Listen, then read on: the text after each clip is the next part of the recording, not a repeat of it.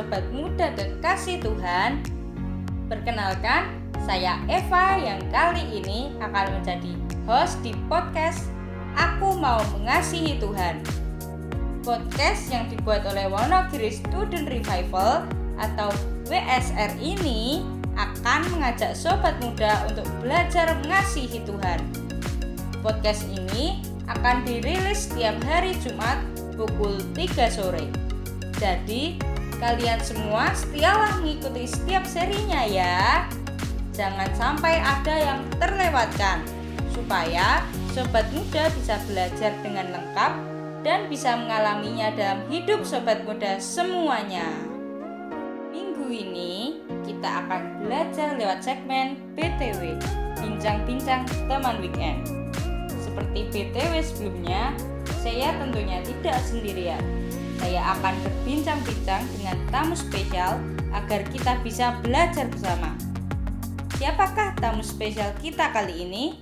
Jangan ke mana-mana, stay tune terus di sini ya. Hai sobat muda, minggu lalu kita sudah belajar mengenai pembaptisan Yesus. Episode BTW minggu ini kita akan belajar bersama-sama dengan tema pencobaan di Padang Belantara. Dan sekarang saya sudah bersama dengan tamu spesial kita, yaitu Mbak Lia. Oke, kita sapa dulu yuk tamu spesial kita. Halo Mbak Lia, bagaimana kabarnya? Halo Eva, puji Tuhan kabar saya baik dan sehat. Saya harap Eva dan sobat muda semua juga dalam keadaan yang baik dan sehat ya. Wah, puji Tuhan, bersyukur sekali ya. Kabar saya juga baik dan sehat, Mbak Lia. Menarik sekali nih, Mbak, tema kita kali ini, yaitu pencobaan di Padang Belantara. Minggu lalu, kita belajar bahwa peristiwa pembaptisan Tuhan Yesus menjadi peneguhan pekerjaan pelayanannya sekaligus pernyataan perkenaan Allah padanya. Setelah itu, Yesus dibawa oleh Roh Kudus ke padang gurun. Di sana Tuhan Yesus tinggal selama 40 hari tanpa makan apa-apa. Lalu sebenarnya apa yang terjadi di padang gurun itu ya mbak? Saat di padang gurun itu, Tuhan Yesus dicobai oleh iblis. Iblis memakai deklarasi Allah mengenai Tuhan Yesus pada peristiwa pembaptisan sebagai titik tolak pencobaan-pencobaannya.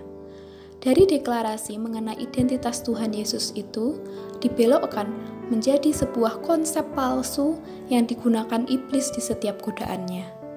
Tuhan Yesus digoda untuk melakukan pembuktian atas identitasnya sebagai anak Allah. Iblis membuat suatu konsep bahwa Allah wajib memenuhi keinginan apa pun sesuai pengaturan manusia. Allah wajib melindungi apa pun tingkah laku manusia, dan Allah telah menyerahkan segala kemuliaan kepada iblis. Konsep ini salah dan membuat manusia bisa seenaknya sendiri mengatur Allah. Wah, jadi begitu ya Mbak Lia. Lalu, apa saja ya Mbak godaan-godaan iblis itu?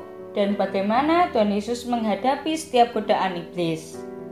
Oke Eva, mari kita menyelidiki dengan teliti setiap godaan yang dilontarkan iblis dan bagaimana Tuhan Yesus menang terhadap godaan itu.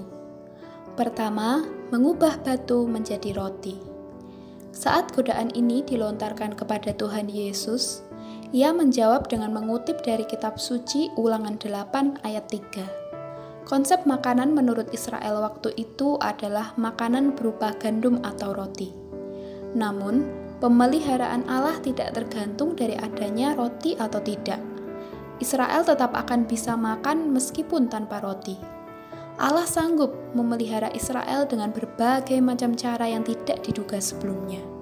Kenyataannya juga demikian. Israel bisa tetap bertahan hidup puluhan tahun tanpa roti sebab Allah menurunkan mana yang belum pernah dikenal Israel sebelumnya. Dari kutipan ini, Tuhan Yesus menegaskan kepada iblis bahwa manusia hidup berdasarkan pemeliharaan Allah semata. Manusia tidak perlu mengatur Allah bagaimana cara memelihara hidupnya, termasuk tentang makanan. Kedua, melompat turun dari puncak bait Allah. Pada godaan ini, Tuhan Yesus kembali mengutip dari kitab suci ulangan 6 ayat 16. Meskipun iblis akan-akan mengutip kitab suci juga, yang menyatakan bahwa Allah akan memerintahkan malaikat-malaikatnya untuk melindungi Tuhan Yesus. Namun, Tuhan Yesus menegaskan bahwa manusia tidak berhak mencobai Allah, yaitu mengatur dan memaksa Allah wajib memelihara manusia mengikuti kemauannya. Ketiga, menyembah iblis. Godaan untuk memberikan segala kemuliaan dunia jika Yesus menyembah iblis ini pun ditepis Tuhan Yesus dengan kutipan dari kitab suci ulangan 6 ayat 13. Ia menegaskan bahwa manusia haruslah mengikatkan diri dan menyembah hanya kepada Allah. Tidak boleh ada pribadi lain di posisi ini selain Allah. Wah, begitu ya Mbak Lia. Menarik sekali ya cara Tuhan Yesus menang dari setiap pencobaan iblis yaitu dengan mengutip dari berbagai kitab suci. Lalu, apa saja ya Mbak yang Tuhan Yesus lakukan? Kok Tuhan bisa mengutip berbagai bagian kitab suci? Pertanyaan yang bagus, Eva. Tuhan Yesus telah menyiapkan dirinya dalam tahun-tahun yang silam untuk menghadapi pencobaan-pencobaan dengan tekun menyelidiki isi kitab suci mengetahui prinsipnya, dan juga menghafalkannya untuk bisa dikeluarkan sewaktu-waktu iblis menyerang. Tuhan Yesus tahu isi kitab suci dan prinsip-prinsip firman Tuhan. Tetapi jangan salah, iblis juga mengerti firman Tuhan. Hanya saja, iblis memutarbalikkan kebenaran firman Tuhan itu untuk menjatuhkan manusia. Iblis adalah si pencoba, ia memakai kutipan firman Tuhan yang diputar balikkan kebenarannya lalu disalahgunakan. Iblis memakai hal yang logis dan manusiawi seperti keinginan daging, mata, keangkuhan hidup. Ia menawarkan hal-hal yang menggiurkan. Dan yang perlu kita ingat, walaupun sudah kalah, dia mundur dan menunggu waktu yang baik untuk menyerang kembali. Oh, jadi begitu ya mbak cara iblis menyerang dan menggoda manusia? Lalu apa ya mbak makna dari pencobaan di padang gurun ini bagi Tuhan Yesus? Dan juga apa yang bisa kita pelajari dari peristiwa pencobaan di padang belantara ini bagi kehidupan kita? Peristiwa pencobaan Tuhan Yesus ini menjadi ujian yang penting dalam menguji Tuhan Yesus sebelum memulai pekerjaan pelayanannya yang akan berhadapan dengan perkara-perkara yang lebih kompleks. Misi Tuhan Yesus nantinya adalah menghadapi iblis. Peristiwa ini menjadi cuplikan awal kekalahan iblis dan gaung kemenangan Tuhan Yesus. Pelajaran bagi kita betapa kita perlu mewaspadai setiap serangan iblis. Kita sewaktu-waktu digoda untuk melakukan pembuktian atas identitas kita kita digoda untuk mengatur Allah melakukan sesuai kehendak pribadi. Mari saya mengajak sobat muda semua untuk menyiapkan diri dalam menghadapi pencobaan-pencobaan dengan tekun menyelidiki isi kitab suci dan mengetahui prinsipnya, dan setia mengikuti PA baik di kelompok kecil atau di persekutuan. Juga menghafalkan ayat untuk bisa dikeluarkan saat iblis menyerang. Ada aplikasi di Play Store yaitu hafalan ayat 2 yang akan menolong kita menghafal beberapa ayat Alkitab. Bahkan, WSR juga akan mulai melengkapi beberapa seri ayat hafalan lewat permainan secara online. Nah, bagaimana ya praktisnya saya menggunakan hafal ayat ini saat godaan iblis datang? Mari kita menghafal dan mengeluarkannya di saat kita sambil beraktivitas, atau justru di saat-saat istirahat kita supaya kita mengisi pikiran kita dengan firman Tuhan, sehingga bisa menghadapi serangan iblis. Oke, Mbak Lia. Wah, menarik sekali ya perbincangan kita kali ini.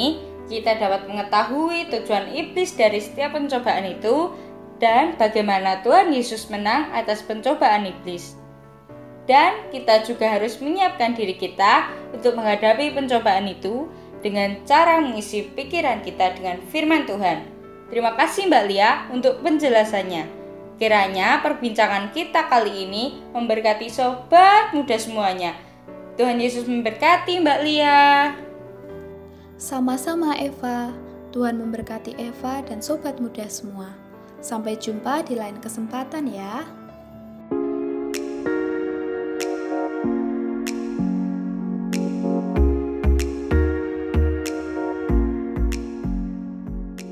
Sobat muda kekasih Tuhan, senang sekali ya hari ini kita bisa belajar bersama lewat bincang-bincang teman weekend.